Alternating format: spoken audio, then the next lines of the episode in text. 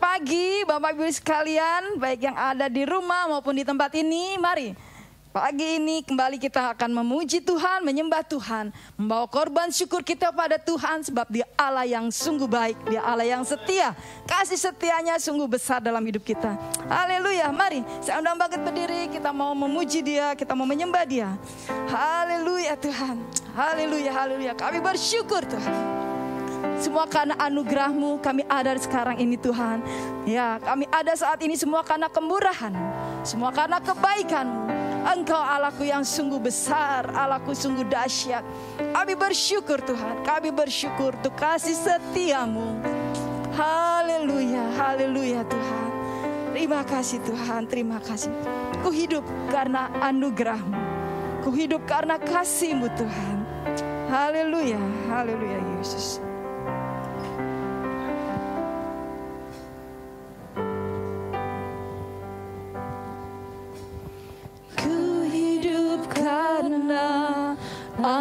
Anugerahmu. Semuanya karena kasihmu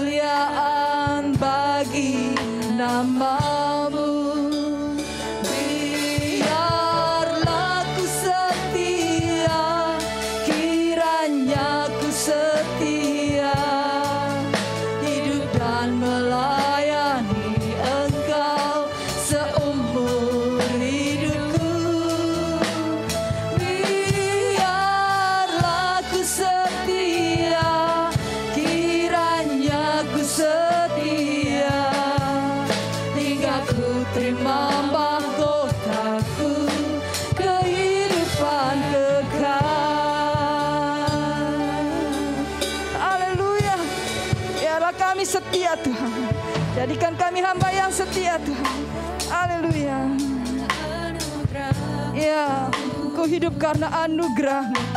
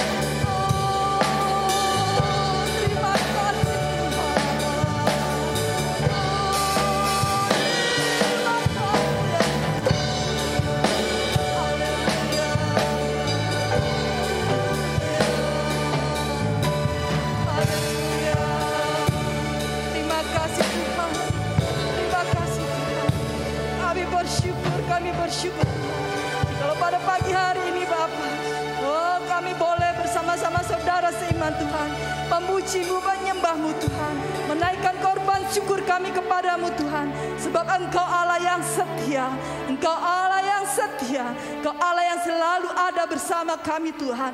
Ya dalam hari-hari yang kami lewati Tuhan. Tanganmu senantiasa memegang kami Tuhan. Engkau yang menuntun kami. Engkau yang melindungi kami. Kami bersyukur, kami bersyukur Tuhan. Ya Tuhan, jadikanlah kami hamba-hambamu yang setia Tuhan. Hidup seturut kehendakmu Tuhan. Hidup selalu ada di dalam jalanmu, di dalam kebenaranmu Tuhan. Ya engkau yang menuntun kami Tuhan. Terima kasih Tuhan, terima kasih ya Bapak. Haleluya, haleluya. Pagi ini Tuhan kami hendak memujimu. Pagi ini kami hendak menyenangkan hatimu Tuhan. Biarlah segala pujian yang kami naikkan Tuhan. Itu selalu berkenan di hadapanmu Tuhan. Terima kasih ya Bapak, terima kasih Tuhan. Kau memberkati kami Tuhan. Ya saat kami meninggikanmu. Saat kami memujimu Tuhan. Engkau bertata atas pujian umatmu Tuhan. Dan kami boleh merasakan berkatmu Tuhan. Kami boleh merasakan jamahanmu Tuhan. Kau berikan kami kekuatan kembali. Kau berikan kesegaran kami kembali Tuhan. Terima kasih Tuhan. Terima kasih ya Bapak. Segala kemuliaan hanya bagimu Tuhan Yesus. Terima kasih Tuhan, terima kasih. Kau memberkati kami semua yang ada di sini maupun saudara-saudara kami yang ada di rumah Tuhan Yesus. Kuasamu Tuhan, kuasa yang tak terbatas itu juga Tuhan akan memberkati mereka semua Tuhan. Amin, amin, amin, amin. Terima kasih Bapak, terima kasih Yesus. Ya kami membuka ibadah kami pada pagi hari ini hanya di dalam nama Tuhan Yesus. Juru selamat kami yang hidup. Haleluya. Yang percaya bersama-sama kita katakan. Amin. Segala kemuliaan hanya bagi nama Tuhan. Haleluya, haleluya. Amin. Biarlah kita terus hidup di dalam jalan Tuhan, di dalam tangan Tuhan. Ya, sebab hidup yang kita pilih itu adalah suku-suku berarti karena Yesus adalah sahabat kita. Amin. Yesus tak pernah meninggalkan kita. Dia selalu menuntun kita. Haleluya. Hidup yang kupilih membuatku berarti karena Yesus adalah sahabat kita.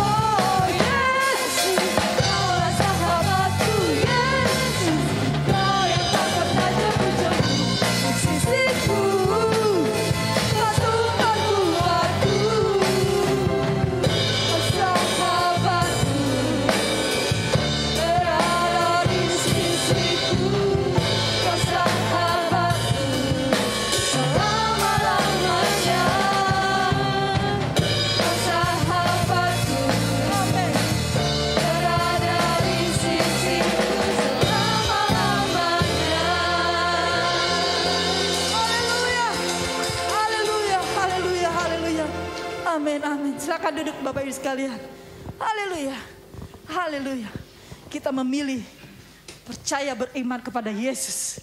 Ya, sebab kita percaya. Haleluya. Dia Allah yang tak pernah meninggalkan kita. Amin.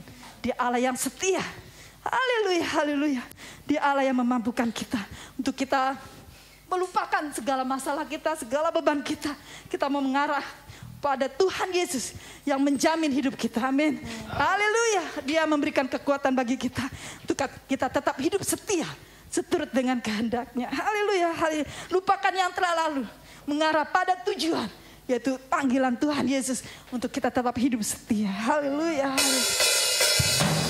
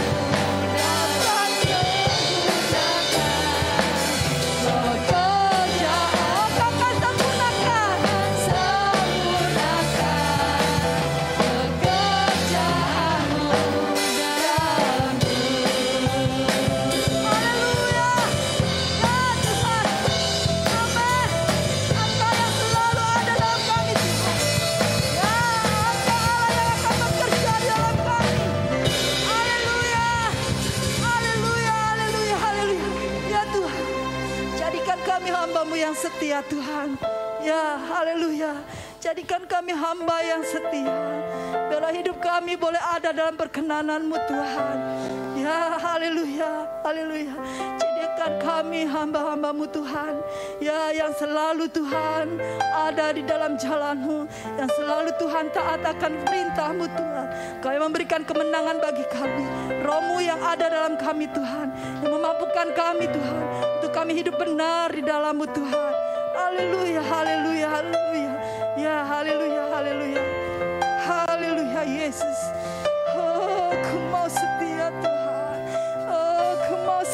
Setia mengiringmu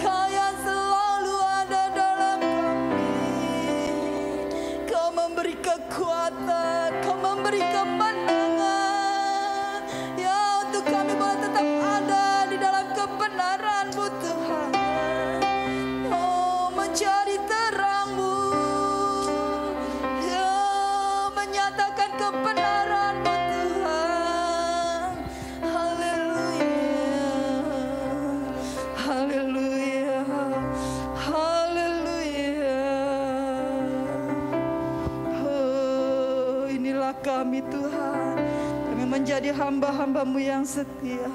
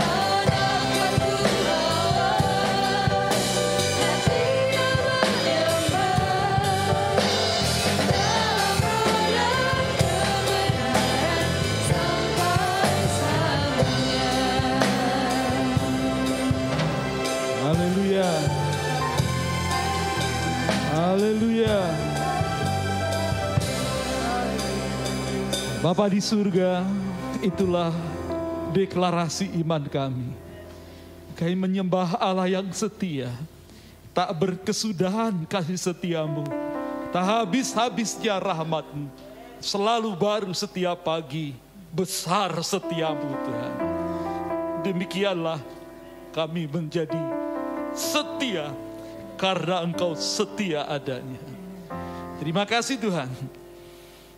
Ialah pujian sembah dan deklarasi iman kami berkenan di pemandanganmu.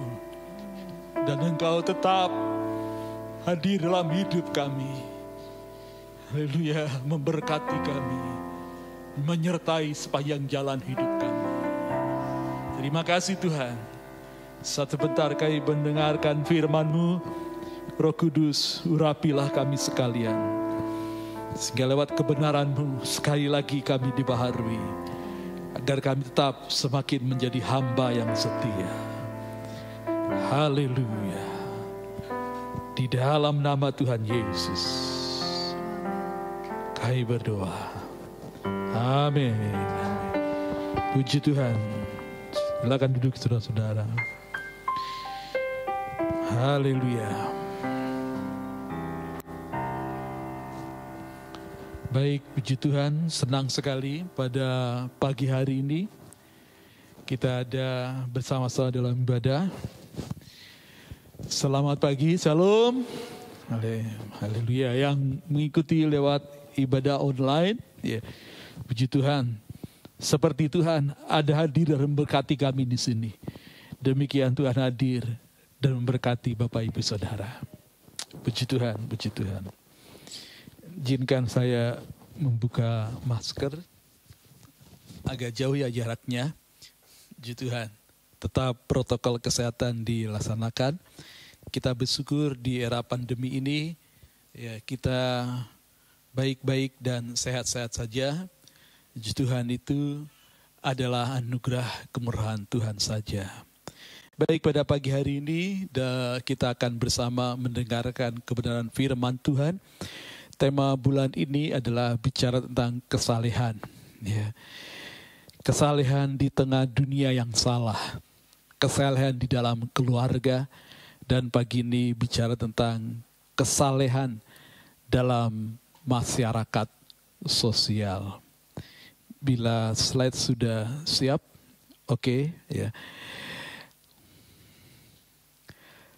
terlihat seperti terang, terasa seperti garam.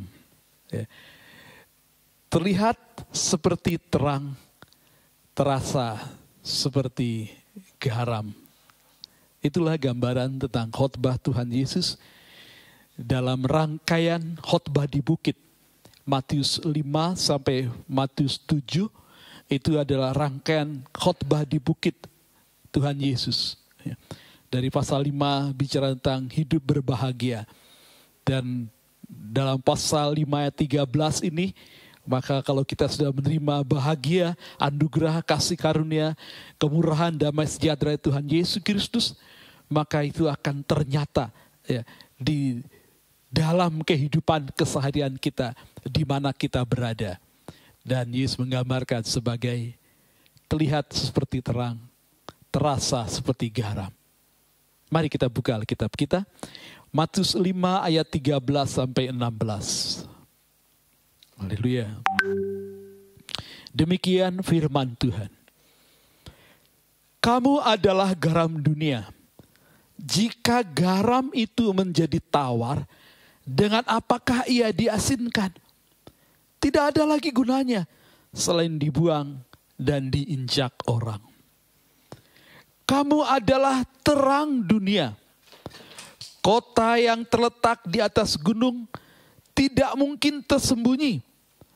Lagi pula, orang tidak menyalakan pelita lalu meletakkannya di bawah gantang, melainkan di atas kaki Dian, sehingga menerangi semua orang di dalam rumah itu. Demikianlah hendaknya terangmu bercahaya di depan orang, supaya mereka melihat perbuatanmu yang baik dan memuliakan Bapamu yang di surga. Amin. Saudara-saudara yang dikasihi Tuhan, jelas Yesus mengatakan, kamu adalah garam dunia, kamu adalah terang dunia. Ini bukan berarti bahwa kita ini menjadi garam dalam artian harfiah. Kita eh, bukan itu artinya, ya, tapi ini bicara tentang ciri, identitas, ya, dan f- fungsi, ya, peranan kita dalam kehidupan sehari-hari. Ya.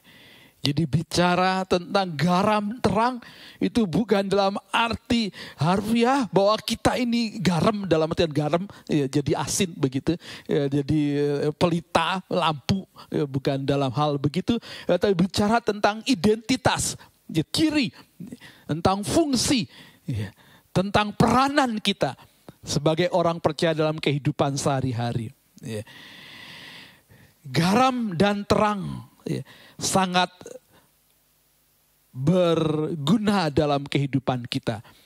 Kalau Yesus mengatakan kamu adalah garam, makna kiasan garam sangat beragam karena efek atau pengaruh atau fungsi garam dalam kehidupan kita itu bisa sebagai penyubur, pupuk, ya, pengawet, penghilang atau eh, antiseptik membunuh kuman-kuman sebagai penyucian juga berguna dalam ibadah juga dan tentu sebagai penyedap rasa makanan kita. Ya. Kalau makanan tanpa garam, nah begitulah. Eh, syukurlah walaupun saya dalam disiplin eh, mengurangi asin, ya, tapi sedikitnya ada asin juga sedikit sedikit aja, saudara. Eh, tidak terlalu banyak banyak supaya makanan tetap terasa eh, nikmat. ya itu tentang garam. Ya. Fungsi garam sangat berguna sekali dalam kehidupan kita. Dan jikalau dikatakan kamu adalah terang dunia, ya, terang disinggung juga dalam perjanjian lama dengan perjanjian baru seperti garam juga seperti saudara tadi lihat ya, fungsinya ya dalam perjanjian lama dan perjanjian baru. Demikian terang. Terang itu melambangkan kemurnian ya, yang bertentangan dengan kecemaran ya. terang itu melambangkan kebenaran yang bertentangan dengan kesalahan. Terang itu melambangkan pengertian ya, yang bertentangan dengan ketidakpedulian. Terang itu ber, melambangkan penyertaan Tuhan dalam hidup kita yang bertentangan dengan penolakan Tuhan. Melambangkan juga kehadiran Tuhan yang bertentangan dengan ditinggalkan Tuhan. Jadi kalau kita adalah terang dunia, maka itu berarti juga hidup kita murni, benar, ya, peduli kepada lain orang. Hidup kita disertai Tuhan, kehadiran Tuhan nyata dalam hidup kita. Dan kita lihat berikutnya di dalam eh, bagian lain, Yesus juga mengatakan ya, dalam Yohanes 8 ayat 12. Maka kata Yesus, Yesus berkata, berkata pula kepada orang banyak katanya, Akulah terang dunia. Barang siapa mengikut aku, ia tidak akan berjalan dalam kegelapan, melainkan ia akan mempunyai terang hidup. Berarti kalau kita menerima Yesus Kristus sebagai Tuhan, kita menerima terang dan terang itu ada dalam hidup kita dan kehidupan kita ini merupakan pancaran terang karena terang itu telah ada dalam kita. Jadi orang yang tidak menerima Yesus Kristus atau yang belum menerima Yesus Kristus, ia tidak memiliki terang hidup. Orang yang menerima Yesus Kristus dalam dirinya, dalam kehidupannya, ia menerima terang kehidupan. Dan ia menjadi pancaran terang bagi dunia ini. Nah itulah bicara tentang ciri, bicara tentang identitas siapa kita, bicara tentang fungsi dan peranan kita di dunia ini sebagai garam dan terang dunia. Di pihak lain juga, Paulus dalam urapan roh kudusnya, menyampaikan suratnya kepada jemaat di Efesus, Efesus 5 ayat 89, mengatakan demikian.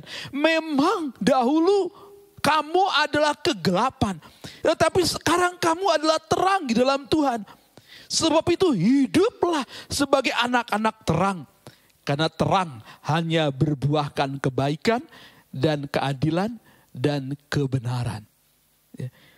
Kita orang-orang percaya, siapa saja, di mana saja, orang yang percaya kepada Tuhan Yesus Kristus adalah ciptaan yang baru, yang lama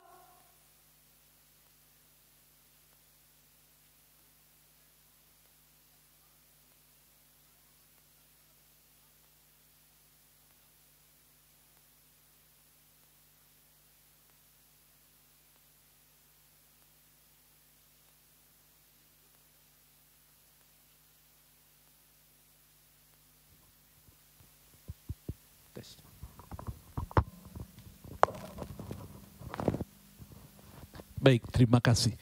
Hiduplah sebagai anak-anak terang. Jadi terang itu jelas dalam khotbah Tuhan Yesus ya, ditegaskan kita terang dunia. Dan dalam bagian lain perjanjian baru juga menegaskan inilah perintah. Hiduplah sebagai anak-anak terang. ya, yang berbuahkan kebaikan, keadilan, dan kebenaran. Ya. Jadi peranan kita, fungsi kita di dunia ini menyatakan kebaikan, hidup dalam keadilan, hidup dalam kebenaran. Ya. Menarik sekali ketika Tuhan Yesus mengatakan kamu adalah terang, bukan mengatakan jadilah terang. Ya. Tetapi itu sudah menjadi status kita. Ya.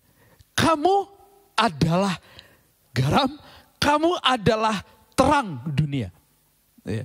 Identitas kita.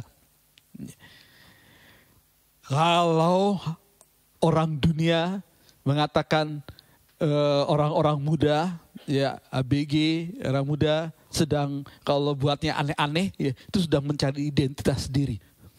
Sekarang saya mau mengatakan kepada orang-orang muda, ya, di dalam gereja Tuhan di tempat ini, nggak usah cari identitas sendiri lagi, sudah jelas identitasmu, garam dan terang dunia. Ya. Bukan lagi dikatakan jadilah itu ya belum ya sedang menuju. Ya, tapi dikatakan bahwa kamu adalah terang. Harus terwujud dalam kehidupan kita. Perjanjian lama ya, Tuhan datang kepada Abraham ya, dalam kejadian 12 ayat 23 ya 2 dan 3. Jelas Tuhan mengatakan, "Aku akan memberkati engkau menjadi bangsa yang besar." Ya. Hmm. Serta membuat tamu masur dan engkau akan menjadi berkat. Aku akan memberkati orang-orang yang memberkati engkau dan mengutuk orang-orang yang mengutuk engkau dan olehmu semua kaum di muka bumi akan mendapat berkat. Ya, perjanjian lama kepada Abraham dikatakan akan, akan. Ya, dalam perjanjian lama ada persyaratan yang harus mereka kerjakan. Ya, hidup dalam takut akan Tuhan, seturut dengan hukum Taurat Tuhan. Tetapi di dalam perjanjian baru, setelah Tuhan Yesus memeteraikan ya, karya keselamatan bagi setiap manusia, segala bangsa, dari segala zaman, oleh darahnya di kayu salib. Lalu firman Tuhan jelas, ya, bukan lagi akan, tapi Yesus mengatakan, kamu adalah. 1 Petrus pasal 2 ayat 9 dikatakan, tetapi kamulah bangsa yang terpilih. Kalau Abraham, ya, akan menjadi bangsa yang besar. Akan. Tapi di dalam Yesus Kristus, oleh karyanya di kayu salib, ya, kamu bangsa yang terpilih. Ya.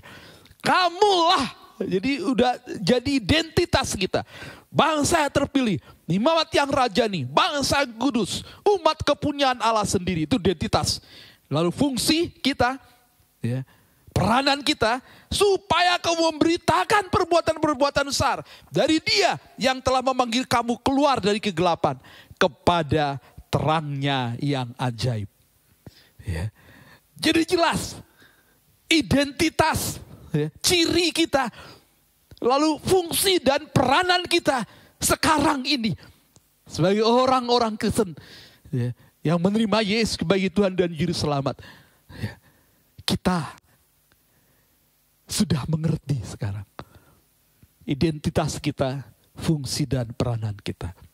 Ini adalah disebut kesalehan yang Yesus maksudkan. Ketika dikatakan, hendaklah kamu kudus, sebab Bapamu kudus. Ya. Hidup kudus, hidup salah, hidup benar, hidup yang beribadah, hidup yang seturut dengan kehendak Tuhan. Ya.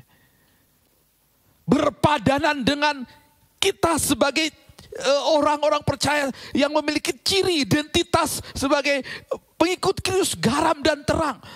Dan berfungsi, berperan dalam dunia ini dengan benar. Kesempatan ini itu menjadi koreksian kita. Apakah benar hidup kita seperti itu? Sebagai garam yang berguna.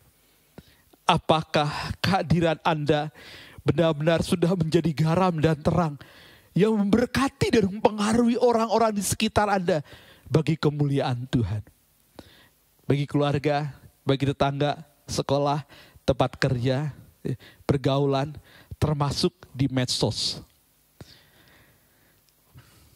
Di YouTube saudara, di Facebook, di Instagram, di Twitter saudara, harus jadi terang, harus jadi garam di situ. Bukan tempat curhat, bukan untuk pamer, bukan untuk apa itu, ya, narsis, ya. Eh, tapi tempat untuk menyatakan kebenaran,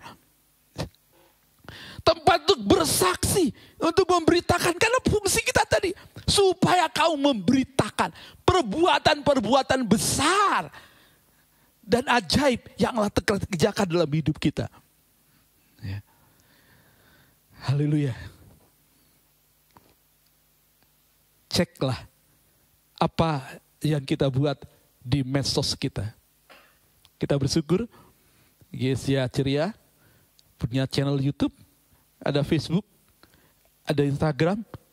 Saya mohon adminnya ya, harus rajin ya, memanfaatkan itu, ya, beritakan. Ya. Waktu awal-awal itu lewat Instagram, lewat eh, Facebook, ya. rajin tuh pengelolanya adminnya.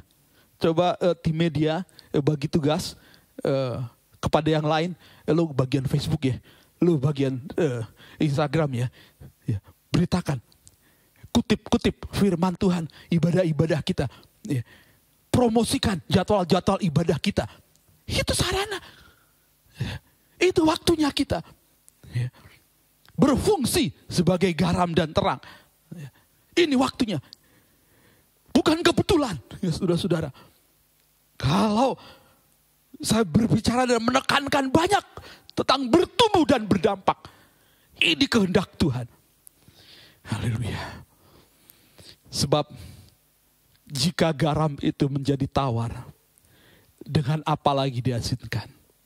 Dengan ada gunanya lagi.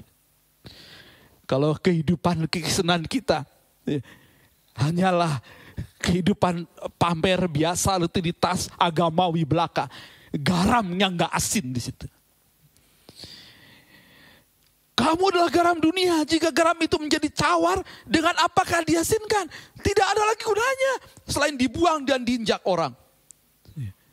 Yesus mengatakan dengan tegas begitu.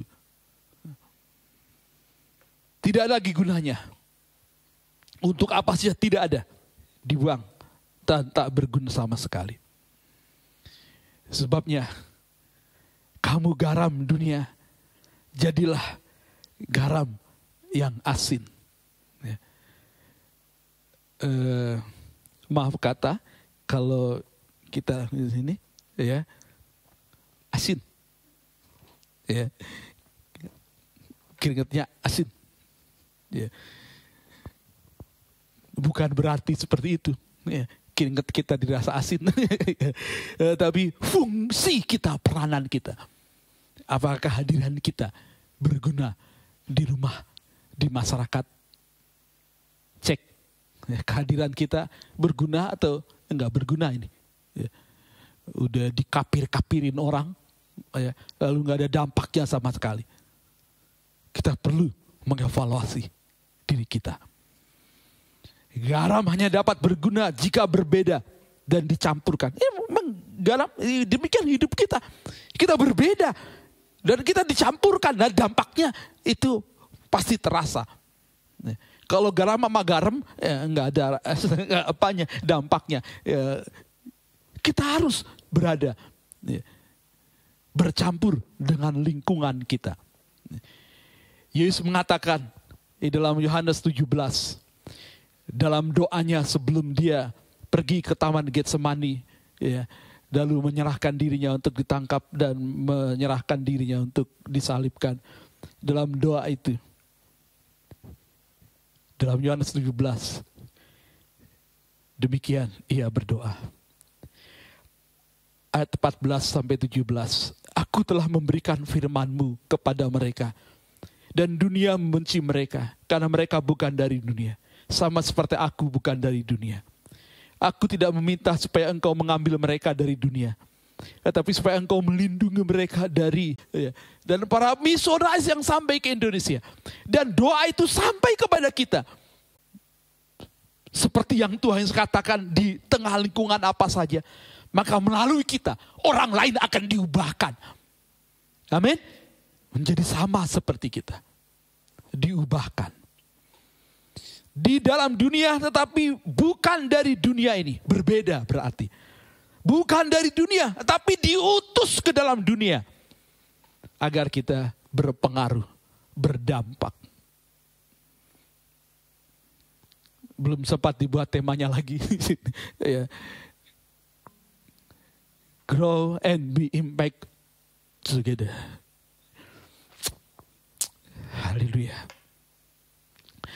kamu adalah terang dunia. Kota yang terletak di atas gunung tidak mungkin tersembunyi. Lagi pula orang tidak meletakkan pelita lalu meletakkan di bawah gantang.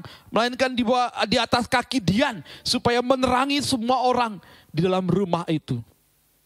Kemarin dalam liburan tahun baru kami sekeluarga pergi ke Dago. Dago ya, eh, di Bandung puncaknya. Lalu kita pergi malam-malam cari tempat tertinggi.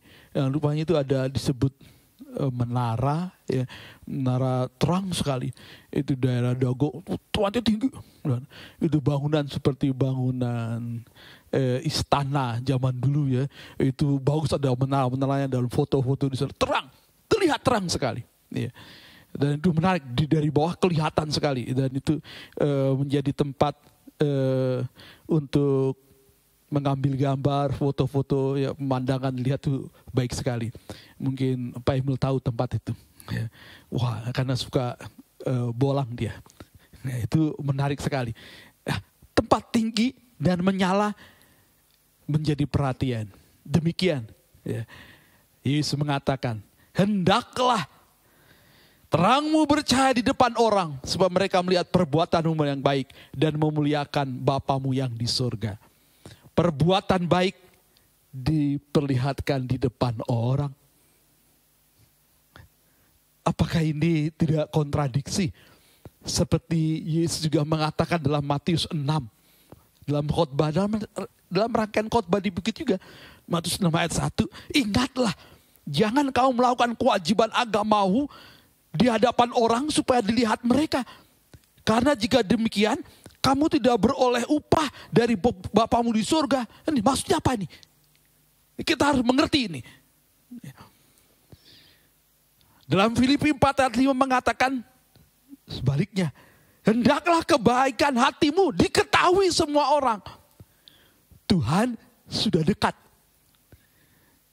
Ini sebenarnya berbeda jauh pengertiannya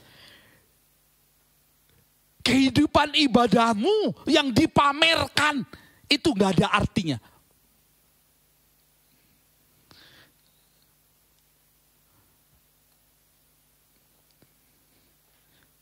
Saat itu Tuhan sudah bicara konteksnya ahli-ahli orang Farisi itu suka di pinggir-pinggir jalan, di perawatan-perawatan jalan, itu mereka berdoa. Suaranya keras-keras. Hmm. Mereka melakukan itu membawa persembahan juga tinggi-tinggi dan sampai bunyi keruncing, keruncing, keruncing, keruncing. Eh, Mereka pamerkan kesalehan mereka. Tapi perbuatan baik mereka nggak ada yang nggak mereka kerjakan, nggak ada gunanya. Ya. Lakukan yang sewajarnya. Dikatakan hendaklah kebaikan hatimu, kebaikan hatimu itu diketahui semua orang mengalir dari dalam. Ya. Hubungan antara intensional dan urgent keterdesakan ini waktunya. Ya. Lagu tadi mengatakan, hati sebagai hamba, inilah yang ku punya. jadikan setia. Wow. Kita harus berbuat seperti itu. Kalau kita berbuat baik sejauh hati kita untuk kemuliaan Tuhan. Bukan untuk pamer, bukan untuk mendapat pujian dan penghargaan. Tapi agar orang tahu bahwa Tuhan itu baik dan kebaikannya ia nyatakan melalui kita. Kita adalah terang. Terang apa? Pancaran terang. Kita bukan sumber terang. Yesus terang dunia. Kita pancarannya. Jadi kalau kita berbuat baik, buat benar, jangan sungkan. Lakukan saja sejauh hati kita untuk memuliakan Tuhan. Bukan untuk pamer agar dipuji, mendapat penghargaan dan lain-lain. Karena bicara tentang hati, kebaikan hatimu. Diketahui semua orang. Haleluya. Seorang misionaris, tokoh misionaris mengatakan, misi ada karena penyembahan tidak ada. Kalau zaman ini sudah berlalu dan orang-orang tebusan yang tidak terhitung banyaknya itu bertukut-tukut di hadapan tahta Tuhan, misi tidak akan ada lagi. Tetapi penyembahan akan ada selamanya. Maksudnya apa? Ibadah kehidupan ibadah kita, penyembahan kita. Itu harus ada. Dan itu yang melahirkan kegerakan misi. Karena hidup kita sepenuh ini yang kupunya hati sebagai hamba. Maka kita taatakan perintah Tuhan.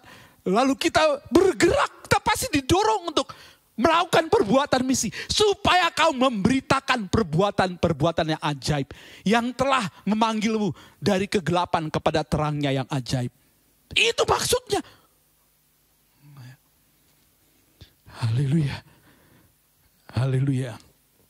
Haleluya. Saat semua orang sudah bertukuk lutut dan lidah mengaku Yesus adalah Tuhan. Udah gak ada misi lagi. Karena semua itu misi adalah supaya semua orang bertelut dan menyembah Yesus. Yang selanjutnya tetap ada adalah penyembahan kepada Yesus. Haleluya. Dan karena Yesus belum datang. ya, Kita harus melakukan misi. Dan misi itu digerakkan, dimotori oleh penyembahan kita kepada Tuhan. Jadi, Kalau gereja ini adalah gereja misionar. Maka gereja ini punya dasar penyembahan. Pujian yang berkobar menyala-nyala. Kehidupan doa yang terus menerus dalam kehidupan jemaatnya. Dan kita akan melakukan perbuatan baik. Melakukan misi dengan murni, dengan benar. Dan melalui kita masing-masing. Melalui gereja ini. Jiwa-jiwa dimenangkan. Karena Yesus diberitakan. Puji Tuhan. Saya akhiri dengan satu istilah think globally, act locally. Berpikir global, bertindak lokal. Dengan tindak dengan tindakan sekecil apa pun. Jika kita lakukan dengan semangat percaya sungguh kepada Tuhan Yesus untuk memberitakan Injil bagi dunia, maka itu sangat powerful sekali. Apalah artinya garam jika tidak memiliki rasa? Apa artinya terang jika tidak digunakan untuk menyinari? Apalah artinya iman jika tidak berbuah kasih dan kebenaran? Apalah artinya ibadah tanpa pelayanan kasih? Haleluya. Dalam sebulan ini saya ada pelayanan yang tak terduga ya melalui Bu Suster Hastin ya kita ada saya ada pelayanan di rumah sakit dan ya pasien Suster Hastin tahu ya. Ya saya tidak perlu ceritakan. Ya. ada di Pius ruang Pius Carolus dan menurut dokter itu sudah udah stabil baik. Secara medis baik. Tetapi secara mental eh, rohani itu belum selesai. Dan keluarganya oleh istirahatin dihubungkan ke saya. Karena butuh pelayanan lanjutan dalam rohani. Dan yang jadi perhatian buat saya selain orang yang itu, eh, saya hanya satukan satu bidang eh, pada hari ini untuk ceritakan, yaitu eh, dia punya kakak.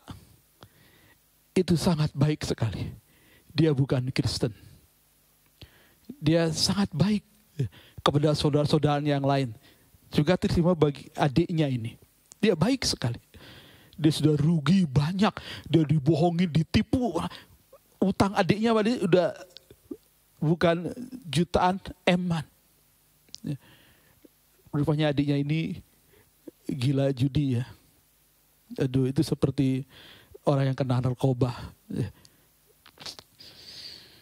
Tapi yang saya salut adalah kakaknya ini bukan Kristen.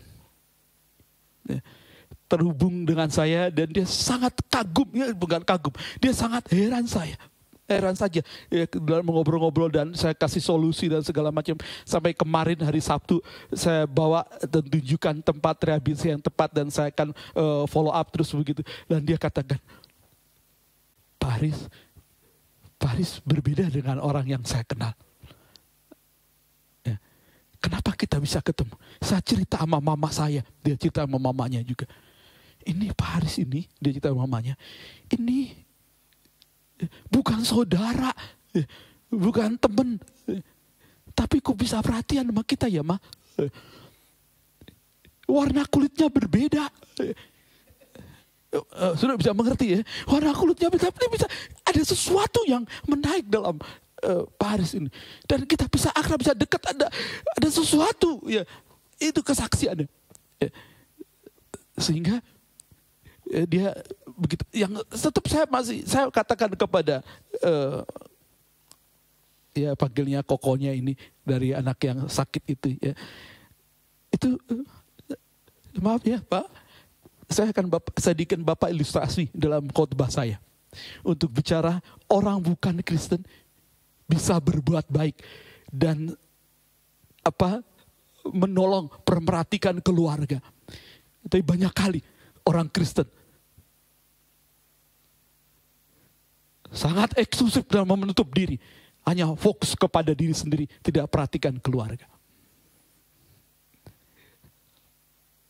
dia belum percaya Yesus saudara dan saya eh, tetap berjaring dan saya percaya lewat itu biar terang Tuhan terus menyinari hingga pada waktunya Tuhan ia dan sekeluarganya ya, mamanya yang masih ada bisa percaya Yesus saudara ada banyak hal tak terduga jikalau kita terus setia dan ikuti jalan-jalan yang Tuhan tunjukkan Tuhan akan pakai kita menjadi garam dan terang kepada siapa saja di waktu yang tepat dengan pelayanan yang tepat guna memberitakan jalan yang paling tepat bagi kehidupan manusia. Haleluya. Soli Deo Gloria. Kita berdoa. Puji Tuhan. Nyanyikan pujian yang tadi hati sebagai hamba Nanti Ibu Gembala akan menutup bagian ini dengan doa. Haleluya. Haleluya. Sekaligus setelah itu menutup ibadah ini.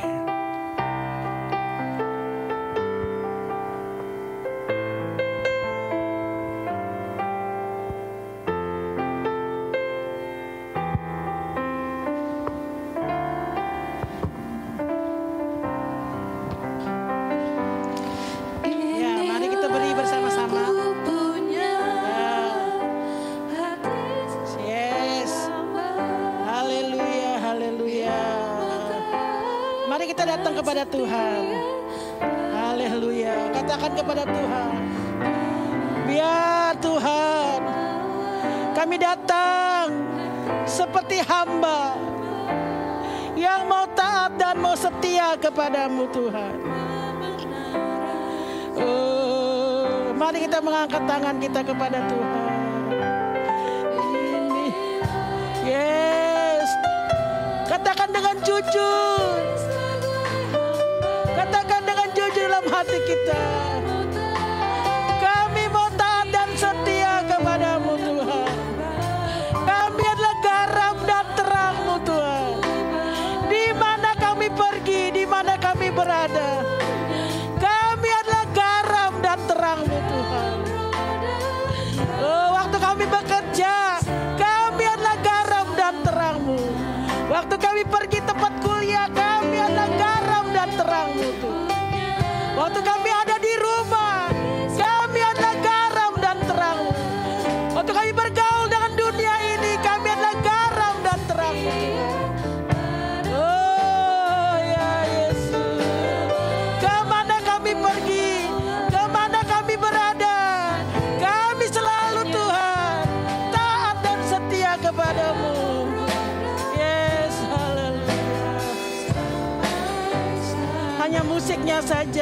mari kita tertunduk di hadapan Tuhan. Mari kita tertunduk di hadapan Tuhan. Iralaya sandalaya dalaya dalaya dalaya. Iraya iraya iraya. Iralaya sandalaya dalaya dalaya. Iralaya sandalaya dalaya dalaya dalaya. Iralaya sandalaya dalaya dalaya dalaya. Oh haleluya haleluya. Haleluya haleluya. Iralaya sandalaya dala Haleluya haleluya. Iralaya sandalaya dala ya dala ya dala Iralaya sandalaya dala ya dala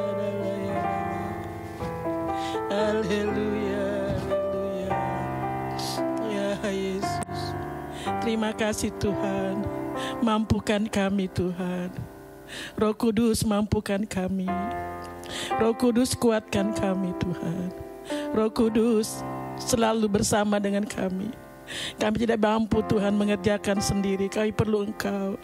Kami perlu tuntunanmu Tuhan. Kami perlu bekerja bersama-sama denganmu Tuhan. Kalau kami bersalah, tegur kami Tuhan. Kalau kami salah langkah, arahkan kaki kami di langkah yang benar. Oh, luruskan jalan kami Tuhan. Kami berdoa Tuhan buat Bapak Gembala Tuhan, sebagai gembala yang kau tempatkan bersama melayani dengan kami Tuhan. Kau berikan dia kekuatan, kesehatan, pengurapan Allah turun atasnya. Hatimu kau berikan kepadanya. Sehingga isi hatimu disampaikan kepada kami umatmu Tuhan. Kami berdoa Tuhan, berilah Tuhan pekerja-pekerja yang mau bekerja bersama-sama. Yang mau bergandengan bersama-sama. Dan maju bersama-sama untuk kemuliaan kebesaran namamu. Karena tidak bisa dikerjakan sendiri. Ada orang-orang Tuhan yang punya sehati, sepikir untuk bekerja bersama-sama bersamanya Tuhan. Kami berdoa buat jemaat yang telah Engkau percayakan untuk dilayani tempat ini. Dari yang besar, yang kecil. Tuhan tolonglah. Biarlah Tuhan jemaat ini Tuhan boleh dibangun. Boleh takut akan Tuhan. Karena roh kudus bekerja dalam hati mereka. Dan kami boleh bergandengan tangan untuk maju bersama-sama. Untuk kemuliaan kebesaran namamu Tuhan. Bapa di surga kami berdoa Tuhan. Sekian lama kami berdoa Tuhan. Kami bersyukur buat tempat yang kau berikan tempat ini Tuhan. Kami mau berdoa dari sekarang. Kalau engkau menghendaki kami ada terus di tempat ini. Tuhan buka jalan. Kami bisa membeli di sebelah kiri, di sebelah kanan atau di belakang. Kami bisa melakukannya Tuhan. Tetapi kalau engkau tidak izinkan kami ada tempat ini.